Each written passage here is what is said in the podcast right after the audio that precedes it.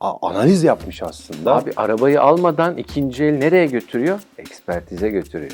Doğru Evet, mu? Tabii. Uzmanlığa başvuruyor güvenebileceği. Eline bir rapor alıyor. Bu arabada ne var ne yok, iyi mi kötü mü? Evet, Çok Ama güzel örnekler. hisse alırken ekspertiz yaptırıyor muyuz? Bu hisseyi niçin aldığını da yaz. Yani Hmm. hangi gerekçeler için sen bunu aldın? Buradaki kilit ve sihirli kelime istikrar. Yatırımcıysan eğer hisse fiyatını takip etmez. Şirketin kendisini takip edersin. Bu çok çok şeydir, önemlidir. Kötü ve puslu havada iyi yatırımlar yapılıyor. Yatırım çok zor bir şey değil ya. Barış, vallahi değil. Herkese merhabalar. Borsa Kütüphanesi'nin 3. bölümüyle karşınızdayız ve kütüphanenin olmazsa olmazı sevgili Tuncay Turşucu burada. Tuncay hoş geldin. Hoş bulduk, merhabalar. Nasılsın? İyiyim valla. Sen iyisin inşallah. Ben de iyiyim. Çok teşekkürler. Biraz böyle açımızı değiştirdik. Evet. Kütüphanemizin güzel köşelerini e, kullanmaya devam ediyoruz. Burada olmak gerçekten seninle birlikte oldukça güzel ve borsayı konuşuyoruz. Borsa Kütüphanesi'nde. Evet. Şimdi bu bölümde biz yine finansal okuryazarlık ve daha orta ve uzun vadeli yatırım çerçevesinde nasıl şirket seçilir biraz ona odaklanmaya çalışacağız seninle birlikte. Şirkete herhangi bir borsa İstanbul'da işlem gören bir şirkete yatırım yaparken nelere dikkat edilmeli? İstersen bu soruyla başlayalım. Evet yani aslında e, bu sorduğun sorunun yanıtı çok çok uzun aslında. Bunun bu- bunun yani e, üzerine kitaplar falan yazılıyor. Ama ilk başta söyleyeceğim şey şu benim. Ben her yatırımcıya da bunu her her zaman öneriyorum. Birinci iş bir kere şirketleri izlemek. Yani ne iş yapıyorlar, nelerle uğraşıyorlar. O konular hakkında tam olarak bir bilgisi sahibi, sahibi olmalarında fayda var. Yani yatırımcı olacağın şirket ne iş yapar? Bu- Bunu bir kere çok iyi öğrenmelisin. Yani ne üretir, ne satar, ürettiği mal nedir? Ve bir de şu çok önemli. Yani sen gerçek e, hayatında yaşarken etrafına baktığın zaman insanların en çok nelere harcamalar yaptığını, ne gibi ürünler aldığını bunları da izlemek bence çok çok önemli bir bir şey olacak. Şimdi ben hani soruyu sordum ya şirket e, seçerken neye dikkat etmeli? Sen dedin ki bir kere ne iş yaptığını bilmen lazım. Şimdi bunu dinleyenlerin kimileri diyebilir ki ya kardeşim bu nasıl soru, bu nasıl cevap? Ama emin ol biz öyle örneklerle karşılaştık ki seninle yıllardır Tabii. program yapıyoruz. Mesela işte radyo programları döneminde hatırla bir izleyicimiz bizi arıyor.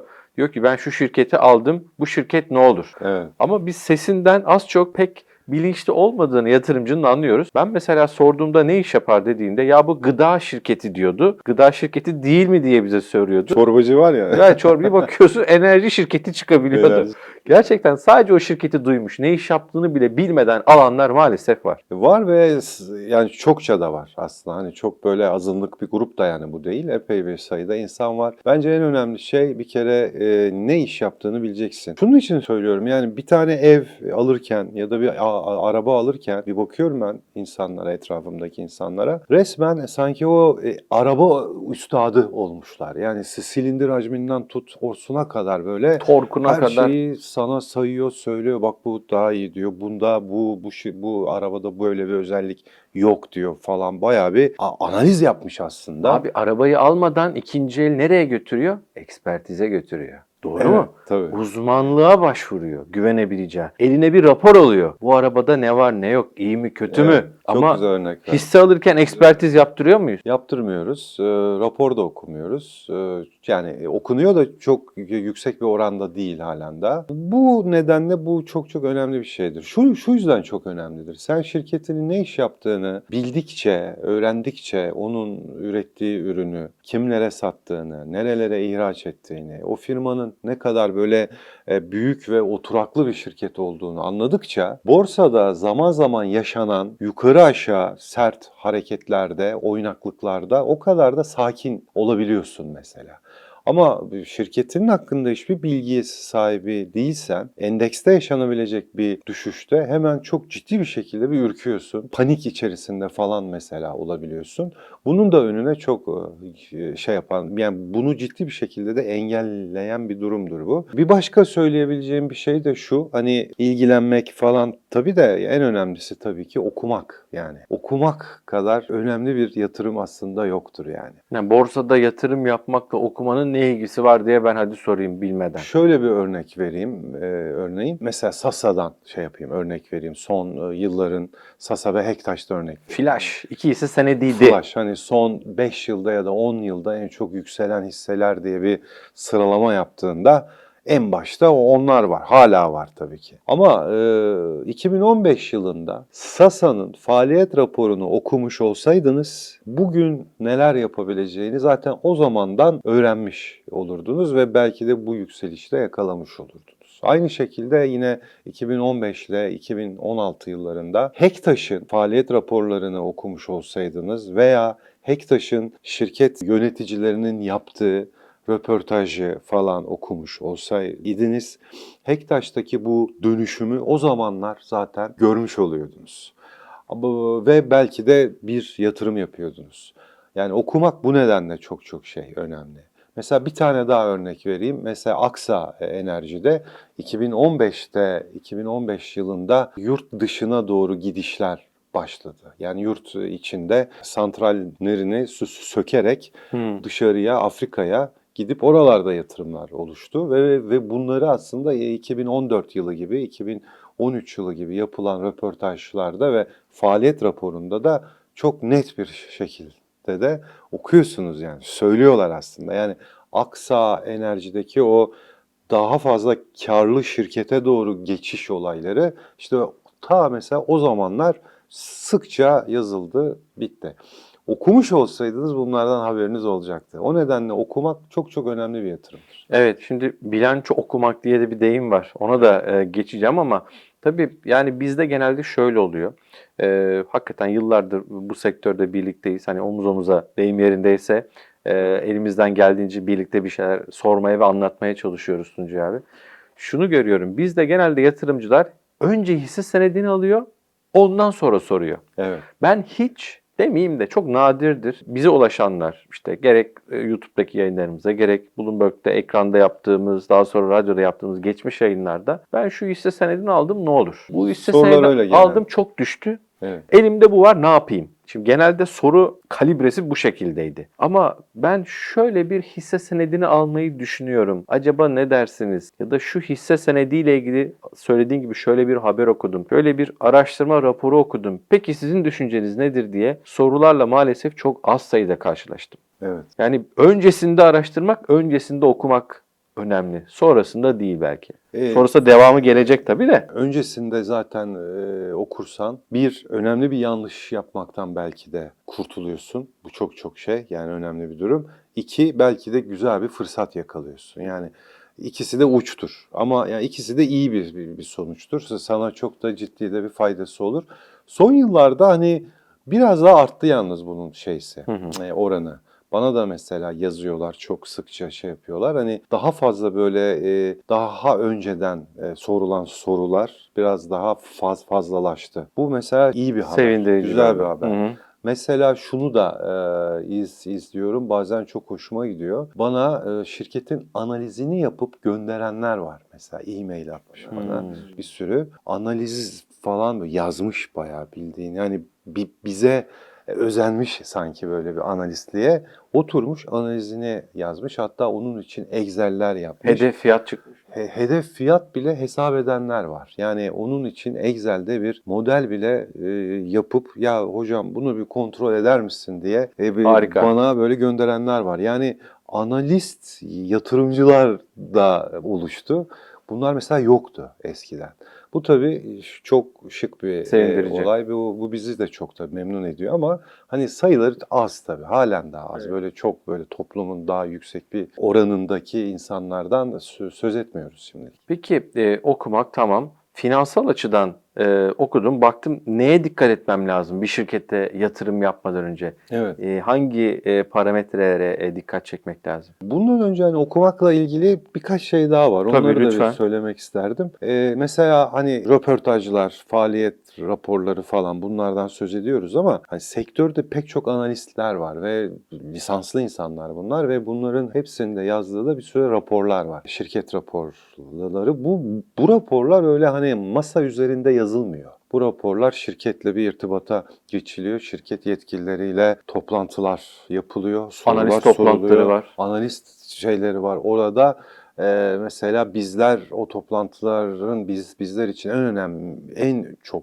ciddi bir önemi şudur. Doğrudan şir, şirketin CEO'suna veya genel müdürüne doğrudan sorularımızı sorma e, şansımızı orada yani şey yapar elde ederiz. Birinci Ağızdan. Hatta bilgi toplantılar için şirkete bile gidildiğini değil mi? Zaman zaman bazı şirketler davet ediyor. ziyaretler, Ziyaretler. e, yapılıyor ve bu ziyaretlerde birinci ağızdan tam olarak bilgiler alınır Hmm. ve o, yani bu analistlerin yazdığı raporlar tamamen bu tarz bilgiler sonucu yazılır. Hani böyle sağdan soldan Duyum. duyma gibi şeylerle olmaz zaten. Lisanslı e, analistler bunlar.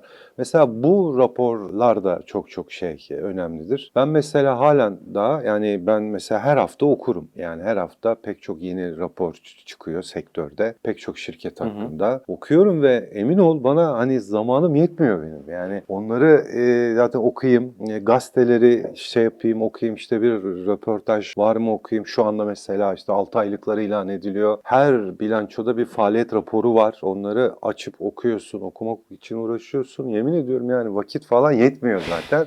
İnanılmaz bir şey böyle uğraşı. Yani okumak yalnızca röportaj işte falan değil. E, sektörde çıkan pek çok güzel raporlar var. E, onları da bence okumakta çok ciddi fayda var. Okumak ve not almak. Yani o da çok önemli. Bir tane bir not aldığınız bir şeyiniz olacak. Defteriniz olsun. Bir defter olacak. Orada hep not alacaksınız yani. Onun da çok e, ciddi bir şeyi var, yararı var. Hatta şey de derler Tuncay abi sen daha güzel ifade eder. Hisse senedini aldığın fiyatı da yaz, satmayı düşündüğün fiyatı da yaz. Çünkü o seviyeye geldiğinde, kafandaki seviyeye geldiğinde belki harekete geçemeyebilirsin. Duygular ve hormonlar Evet, vesaire devreye evet. gidiyor ama yazıp önüne koyduğunda ben bu fiyata geldiğinde ya da bu fiyatı geçtiğinde satacağım ya da aşağı düşerken bu fiyatın altında ben bu hisse senedini taşımayacağım diye alıp önüne kağıda yazıp Yaz- koyduğunda çok önemli. o sene bir, bir dürtüdür. e, Bu harekete geçirir. Ben de bir ekleme yapayım. Hissenin bu hisseyi niçin aldığını da yaz. Yani Hmm. hangi gerekçeler için sen bunu aldın? Yani cirosu bu kadar olacak. Yeni bir yatırımı vardı, bitti. Onun satışları ciroya etki edecek. Kar marjı çok çok yüksek. Borsuz bir şirket. Yani ne yani hangi sebeple sen bu hisseyi aldın ve yatırım yaptın? Bunu da yazmak çok önemli. Niçin? İşte az önce senin de ifade ettiğin gibi ani bir oynaklıklar başladığı zaman, satışlar falan olduğu zaman pek çoğumuz o hisseyi niçin aldığımızı unutuyoruz. Rüzgarın da hızıyla da Savruluyor. insanlar sattığı için sen de mesela satıyorsun o sırada. Unutuyorsun yani niçin al. Eyvah diyorsun, satıyorsun falan. Ondan sonra tabii aradan bir ay geçiyor, iki ay geçiyor. Ya keşke satmasaymışız bak işte gördün mü diye şeyler oluyor. O yüzden o da çok çok önemli bir durum bence. Okumakla ilgili mesajımızı aldık hocam. Evet. Neye dikkat etmemiz lazım? Finansallarda neye bakarız şirket seçerken? Yani e, benim mesela e, birinci önceliğim e, büyüyen bir şirket mi bir kere? Yani büyüme çok önemli bir şirket. Büyümekten kastımız şu. Satış rakamları artıyor mu her sene? istatistiksel olarak çok istikrarlı bir şekilde bir yükseliyor. Yani çünkü e, normal olarak satamayan bir şirketle bizim bir işimiz yani şey yapamam olamaz değil mi? Çok yani, güzel bir şirket ama satış yok. Evet, satamıyor. Ne Yani yapayım her, ben? her yıl aynı. Her yıl Hı. aynı. Yani Çok ufak tefek artışlar var. Hani enflasyon yüzde 50, yüzde 60, şirket yüzde 10 falan arttırabilmiş satışını. Ha bu sektörel olarak, mevsimsel olarak olabilir. Dönemsel olarak olabilir bazı yıllarda. Ama hani geriye yönelik olarak bir baktığında hep öyle mesela. Çok bir şey yok. Bir de tabii ki istikrar çok önemli. İstikrar. O çok önemli. Neyin istikrarı? Ee, hem büyümenin e, istikrarı mesela her yıl ortalama olarak cirosunu arttırmış mı? Mesela bizim yaptığımız analizlerde, ölçümlerde Türkiye'de son 10 yılda yıllık büyüme oranı, cironun yıllık artış oranı %30'un üstüyse bence gayet iyi bir rakam bu. Ama hani %30'un çok altıysa, hani 27'ler falan olabilir de böyle artık 20 ise falan bu da bence çok az. Çünkü hani son 10 yılın e, sermaye maliyeti var, enflasyonu var, o var. Ya her şey var. %20'lik yıllık ortalama bileşik büyüme hızı açısından bence çok az bir rakam. 30 ve üstü ise mesela çok iyi bir rakam. Aynı şekilde mesela öz kaynaklar. Öz kaynaklar artıyor mu? Öz sermaye. Bir firmanın öz sermayesi toplam varlıklarından toplam borcunu çıkardığın zaman elde ettiğin şeydir. Öz sermayedir. Hiçbir şey bilmeseniz bile hani bu firmanın yatırılan sermayesi kaç nedir diye baksanız hani çok özet bir şekilde hani öz sermayesidir diye bir yorum yaparsınız. Tabii bizim yaptığımız analizlerde böyle değil. Daha Detaylı. eklemeler de var ama hani çok çok yuvarlak bir şekilde budur. Şimdi öz sermayen ne kadar artarsa hissenin de fiyatı da ortalama olarak o kadar artacaktır. O yüzden öz sermaye senin artıyor mu? Öz sermaye artışı ve, Ve istikrarlı bir şekilde artıyor mu? Buradaki kilit ve sihirli kelime istikrar. İstikrarlı bir şekilde. Biz istikrarız. Yani biz bir sene hop çok böyle hızlı büyüdü. Ondan sonra düştü. Öz sermayesi bir arttı, bir çıktı, bir arttı, bir çıktı. Bir, bir kar etti, bir zarar etti. Bir kar etti, bir zarar etti. Böyle şirketlerle kesinlikle bence ilgilenmemekte de e, yarar var. Bu bahsettiğim ilk baştaki şey bir şirketin girdiği bir yörüngesidir. Yani bu firma yükselen bir rotada mı gidiyor? Bunu bir anlarsınız. Ondan sonra daha farklı şeyler vardır. Birincisi hani verimli bir şirket mi? Tamam o da mesela A şirketi de cirosunu %30 arttırmış ama bir başka şirket de mesela %30 arttırmış. Ama hangisinin cirosu daha kıymetli mesela? Yani orada da işte net kar marjı veya bizim hesap ettiğimiz işte işte esas faaliyet kar marjı gibi rakamlar çok çok önemli. Orada yüksek olan şirketler ki orada da bizim yaptığımız pek çok incelemede hani %30'un üzerinde bir esas faaliyet kar marjı bence hani iyi bir şey. Hmm. İstikrarlı ama. Burada da yine çok önemli istikrar. Geriye dönük olarak sürekli %30'un böyle üzerinde bir esas faaliyet kar marjıyla iş yapan bir şirket bence hani değer yaratan bir şirkettir. Bir de cirosu da her yıl böyle artıyorsa üstüne bir de %30'luk ve daha da şey tabii üstünde bir, bir kar marjı da varsa o zaman uzun vadede o firmanın sana e, sağlayacağı getiri yani inanılmaz bir şekilde böyle e, katlanarak böyle artıyor. Tuncay Turşucu burada tabii istikrarın altını çiziyorsun. İstikrarlı olması lazım birçok parametre açısından seçtiğimiz şirketin. Ama burada bilanço okuma denen bir kavram da var az önce söylediğim gibi. Matematikten zaten sen matematik mühendisisin değil mi? Yanlış Evet. hatırlamıyorum. Sen şimdi matematik mühendisin ama Türkiye'de Seviyorum ben yani. matematiği sen seviyorsun ama biz Benim pek için bir zevktir mesela. Biz pek sevmiyoruz hocam. Yani biz e, matematik Farklı, ortalamaları şu Çok üniversite var, evet. giriş sınavlarında işte 40 soruda 5'lerde 7'lerde kalıyor maalesef Türkiye ortalaması. Ya, matematikten biraz uzağız. Ama burayı nasıl çözeceğiz? Yani bilanço okumak şöyle baktığında bana çok karışık geliyor. Bir dolu rakam var, bir dolu işte e, şey var, Doğru. kademe var. Yani ne nerede, nerede bulacağım, nasıl yapacağım? Biraz zor iş. İlgi duymayanlar için ya da borsaya uzak olanlar için. Bunu nasıl çözeceğiz? Bunun için tabii yardımcı bazı programlar da artık devreye giriyor. Bunlar da var ama yani herkes mesela bilanço okumayı öğrenmeli mi? Hayır canım öyle bir şey yok. Tabii ki yok. Yani kimse e, bilanço analizi yapmak konusunda analist gibi olmasına gerek yok. Yani ihtiyaç da yok. Ama sadece mesela yani benim şirketim e, büyüyor mu? Yani cirosu artıyor mu? Kar edebiliyor mu? Öz sermayesi yükselebiliyor mu? Bunları ama hani bilsinler. Yani mesela benim şirketim bu yılın 6 aylığında ne kadar kar elde etti? Ne bekleniyordu Ve değil mi? Belki onu da. Beklentisini hani belki onu da tam olarak bilemeyebilir. O çünkü hani bizim sektörde yapılan bir anket. O anket e, yine bizim sektör içerisinde e, gönderiliyor. Ama yine tabii med medyada da bu ilan ediliyor aslında. Aracı kurumuna da Biraz daha sorabilir bu iyi- arada. Evet yani bir yatırımcının yapacağı şeyler birincisi çalıştığı aracı şirketteki analist arkadaşlara bir kere soracaklar. İki senin de söylediğin gibi bunları sana hazır olarak veren pek çok uygulamalar var artık mesela. Eskiden yoktu bunlar örneğin. Biz yani 2000 yılında ki ben mesela 94'te başlamıştım ilk meslek hayatıma. Biz bilançoları kağıt üstünde falan yani alırdık zaten. Yani bu Borsa İstanbul'a şoför Yok. giderdi. Tabii arabayla o gün o çıkan bilançolar o günkü borsa günlük bülteninin ekinde çıkarılırdı. Tabii ki bir kopya olarak yani fotokopi olarak çıkarılırdı. Şu kadar bir kağıt mesela. Onları şoför arkadaşlar torb şeye torbaların içine koyarlardı, arabaya koyarlardı, şirkete getirirlerdi. Biz onları tek tek alırdık. Bir de tabii şimdi e, Sabancı'nın gelir tablosu ta arkalara falan gitmiş. Sabancı'yı incelerken bir bakıyorsunuz arkadan şey çıkıyor, aksa çıkıyor falan böyle. Onu oraya koy, ayırırdık, tasnif ederdik ve onları Excel'e, Excel'e tek tek elle girerdik. Siz girerdiniz. Biz girerdik. Sonradan işte bu işi yapmak için artık şey aldık. Stajyer arkadaşlar sağ olsunlar. Onlar bize çok yardımcı oldular bu konuda. Evet. Onlar girerlerdi ki çünkü Excel'e girdikten sonra ancak onun bir işlemesini yapabiliyorsun yani. Analiz ediyorsun. Tabii tabii yani şey analizini yapabiliyorsun. Şimdi geldiğimiz yerde öyle bir uygulamalar var ki hem şey aplikasyon olarak var hem de web e, olarak var. Yani şirketin ismini siz seçiyorsun, bir tık yapıyorsun. Sana bütün her her şeyini otomatik olarak e, veriyor. Ve bu söylediğim geçmişe yönelik olan şeyi de veriyor. Mesela net kar marjı geçmişe yönelik olarak sana şeysini veriyor böyle grafiğini veriyor. Öz sermaye Hmm. karlılığı, işte FAVÖK marjını veriyor. Bilançolarını sana veriyor. Her türlü oranı veriyor. Mesela bu bahsettiğimiz bütün şu oranları oturup senin hesap etmene e, ihtiyaç yok. Otomatik olarak bunlar var zaten. Hesaplamalar var. O nedenle hani bunlar da çıktı Hı. artık. Bence çok daha böyle rahat oldu.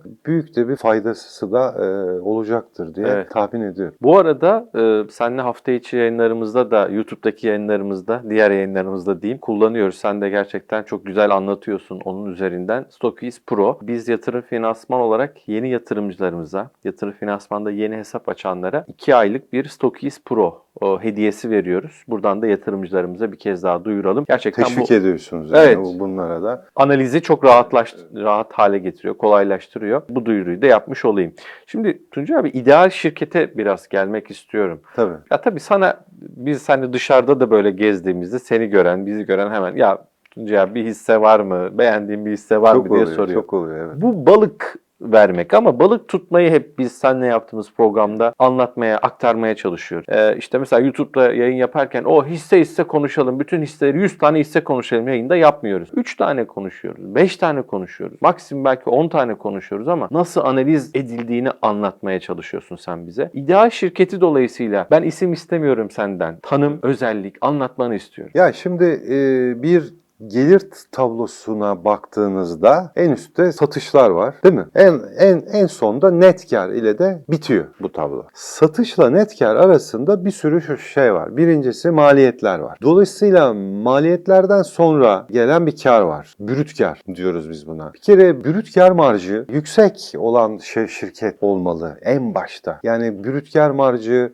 şöyle bir %30'un üstünde bir bir şekilde gireceksin ki sen e, olaya aşağıya inene kadar başka artan maliyetler varsa en azından %30'un üstünde bir marjdan e, yiyeceksin ki en aşağıya da bir şeyler kalsın. Şimdi biz bakıyoruz mesela brüt kar marjı %20 olan bir şirket aşağıda o kadar yüksek finansman gideri, faaliyet gideri, vergi o, o dönem çok yüksek çıkıyor falan. Bir bakıyorsunuz %20'lik brüt kar marjıyla başlayan bir firma en aşağıda %2 ile falan bitirmiş böyle Hmm. hiçbir şey. Yani o kardan geriye hiçbir şeyler kalmamış. İşte bence en tepedeki brüt karlılıkla en aşağıdaki rakam arası ne kadar birbirine yakın olursa yani ne kadar arada bir zarar ziyan yoksa gider o kadar azsa benim için en ideal şirket e, ya odur. Yani bir, brüt kar marjı yüksek olacak. İki, ondan sonra ne geliyor? Faaliyet gideri geliyor bilanço şeyde gelir e, statement'ta. Gelir e, faaliyet gelirinin brüt karı oranı düşük şirket ben isterim mesela. Yani, yani faaliyet giderlerinin brüt karı oranı %40'ın altında olacak. Hatta ne kadar aşağıda olursa o yani o kadar iyi olur. Şimdi ba- bazı şirketler var. Özellikle hani pazarlama ve reklama çok fazla para harcamak zorunda olan şirketler bunlar. Yani brüt karın neredeyse %80'ini sadece faaliyet karı uçuruyor. Uçurmuş. Gitmiş. %80'i Tabii diyorsun. tabii Of. %80'ine yakını. Bunun içinde hem genel yönetim gideri var ama en çok şeye yani pazarlama, satış ve dağıtıma çok fazla şey yapıyor. Yani biz de bunu çok fazla istemiyoruz öyle. Hı hı. Yani %40'dan daha aşağıda bir faaliyet gideri e, olursa brüt karı oranı işte o mesela bu da ikinci bir şart mesela olabilir. Ondan sonra finansman gideri öncesi kar yani bizim için esas faaliyet karı elde ediyorsun. Esas faaliyet karı elde ediyorsun. Esas faaliyet karından sonra da bilanço şey, şeyde gelir tablosunda finansman gideri geliyor. Dolayısıyla finansman giderlerinin de esas faaliyet karına oranı ne kadar azsa bizim için o kadar iyidir. Bazı şirketlerde ki özellikle mesela bak bu, bu dönemde ikinci çeyrekte kur %35 arttığı için esas faaliyet karının tamamını hatta daha da fazlasını sadece finansman gideri yazan ve e, zarara geçen bir sürü şirket var mesela. Çok oldu yani. Bir bakıyorsun karlar iyi, iyi geliyor ama finansman gideri yüzünden şirket zarar açıklamış. O yüzden hani finansman giderinin esas faaliyet karına oranı ne kadar azsa iyidir. Peki ha burada biraz gelir tablosundan çıkıp biraz şeye bilançoya doğru giden bir olay var. Finansman gideri nasıl olacak da küçük olacak? Bu da çok basit. Toplam borcunun toplam varlığına oranı ne kadar azsa ki ben %50'nin altında olmasını isterim açıkçası. Ne kadar azsa, borcu ne kadar düşükse, mümkünse hiç borç olma. Yani borçtan kastım tabii ticari borç değil. Bu bunlar mecbur oluyor. Yani bankalara olan borçlar, finansal borç hiç olmaması keşke daha iyi olur ki var. Öyle şirketler de var. Ama hani bu borcu toplam varlıklar içerisindeki veya öz sermayeye olan oranı ne kadar azsa bana göre o kadar idealdir. Ondan sonra e, vergi öncesi kâra ulaşıyorsunuz. Orada da zaten yapacak bir şey yok. Vergi neyse onları ödüyorsunuz. Yukarıdan aşağı indiğiniz zaman bir, brüt kâr marjı %30'un üzerinde olan. iki Faaliyet giderlerinin brüt kâra oranı %40'ın altında olan. 3. Finansman giderinin esas faaliyet karına oranı %40'ın mesela altında olan ki ne kadar aşağıda olursa iyi olur. 4. Borcu mümkünse olmayan varsa da hani e, toplam borç bölü toplam varlık oranı %50'nin altında olan şirketler bence hani ideal list listeye şöyle bir girer. Ondan sonra iki tane daha bir oranım var. Onu da istersen söyleyeyim. Sonraki şey şudur. Birincisi öz sermaye karlılığı yani net karın öz sermayeye oranı. Yıllık tabii bu. Ee, ne kadar yüksekse benim için o kadar iyidir. Çünkü ben bir yatırımcı olarak, hissedar olarak benim için önemli olan öz sermayenin e, yani ne kadar karlı olduğu. Öz sermaye karlılığı ne kadar yüksekse öz sermayenin artış hızı da o kadar hızlıdır. O yüzden çok çok önemlidir. Orada da yani artık e, bir rakam söyleyemiyorum ama hani çok yüksek olmasını isterim. Yani %70, 80, 100 falan gibi rakamlar olursa benim için çok çok iyidir. Sonuncusu da bu çok çok detay bir olay. Yani bunu herkesin bilmesine de gerek yok. Hani ticari alacak ve stoklar rakamının ciro üzerinde çok yüksek bir pay almasını istemem. Yani toplam cironun böyle %10'u, 10, 15'i arası bir rakam olursa da benim için idealdir. Bazı şirketlerde bu %40'lara kadar çıkıyor ki bu nakit akımını etkiliyor. Yani nakit akışlarının oynaklığına sebep oluyor. Şimdi bunları baktığın zaman böyle bir şirket bulduğunda e, çok büyük ihtimalle çok mükemmel bir şirketle e, olacaksın. Evet o sırada sakin olacaksın. Soğukkanlılığını yitirmeyeceksin. Ve sarılacaksın o şirkete. Hani böyle Arşimet gibi ama Evreka, Evreka deyip böyle hamamdan Buldum, buldum diye çıkabilirsin yani mesela. Ama yani muhtemelen güzel bir şir- şirketle kesişiyorsundur o sırada. Şimdi bu yayın kayıt bitince bana onları söyleyeceksin muhtemelen. Yayından sonra. Şimdi e, son birkaç sorum Tuncay abi. Bu vergi dedim mesela son dönem işte bu 6 aylıkları yavaş yavaş yani bu program yayınlandığında e, bitmiş olur Evet. diye düşünüyorum. 21'i son gün zaten. Evet, e, yani montajından bahsediyorum. Bittiğinde, ekrana geldiğinde bitmiş olur. Mesela bu dönemde biz vergiyle ilgili çok büyük demir çelik şirketlerimizin vergi nedeniyle zarar açıkladığını da galiba gördük. Orada mesela özellikle demir çeliklerde senin dikkat çektiğin taraf da vardı. Ereğli miydi yanlış söylemeyeyim ama e, o tarafı bir anlatmanı isteyeyim. Hani daha başka bir yere baktığımızda Barış o kadar da fena değil. Bak burada bir kıpırdanma Tabii. Tabii. görünüyor gibi de söylemiştin. Hatta bilanço sonrası hareketler de gördük demir çeliklerde. O bir detayı anlatmanı rica edeyim. İyi bir soru. Çünkü hani bizde bir şey var, alışkanlık var. Biz sadece net kar odaklıyız. Yani çoğu e, kişi, çoğu yatırımcı ne net kar nasıl artmış mı, düşmüş mü? Ha, tamam o zaman güzel ya da kötü diye sonuç veriyoruz. Ama hani bizler yani analistler net kar odaklı çok fazla yaklaşmayız. Bizler daha fazla operasyonel yani faaliyet karına daha fazla yaklaşırız. Şimdi bu dönem mesela vergi e, öncesi kar ve net kar denen iki tane şey var. Birisi vergi öncesi kar şey yani adı üstünde. Aslında asıl elde edilen kar o. Öbürü de vergi sonrası olan net kardır. Şimdi Ereğli'de birinci çeyrekte net kar çok yüksekti. Şey vardı, iyi bir kar vardı. Ama vergi öncesi kar Eksiydi, zarardı. Vergi öncesinde zarar elde etmişti. Net kar gelmesinde bir vergi geliri oluşmuştu. İşte ertelenmiş vergiler var olabiliyor ya da peşin ödenmiş vergilerin so- sonra gelire falan Hı hı. yansıtılıyor. Yani orada bir vergi geliri var. Vergi geliri sayesinde kar yazılmıştı. İkinci 3 aylığa baktığımızda ise aslında şirket vergi öncesinde kâra geçmiş. Çok daha iyi. Vergi öncesi kâra geçmiş. Bu çeyrekte de bu sefer çok yüksek bir vergi ödemesi yüzünden de zarar açıklamış. Şimdi sadece net kâra bakan bir yatırımcı Ereğli birinci çeyrekte çok iyi kar yazmıştı, ikinci çeyrekte de zarar yazdı diye bir yorum yapıyor. Ama bizim gibi faaliyetlerine bakan bir yatırımcı da Ereğli birinci çeyrekte vergi öncesi zarardaydı, şimdi de bayağı ciddi bir kâra geçmiş diye bakıyor. Aynı zamanda esas faaliyet karına da baktığınız zaman yine orada çok güzel artışlar var mesela. İşte burada e, bu şekilde yaklaşmayan kişi sadece net kâra bakan bir kişi yanılıyor. O günde büyük ihtimalle ertesi günde belki de sırf net kâra baktığı için hissesini satan oldu belki de. Ama Ereğli bilanço sonrasında bir 2-3 gün yukarı Evet. doğru güzel bir hareket yaptı. Yani burada okumak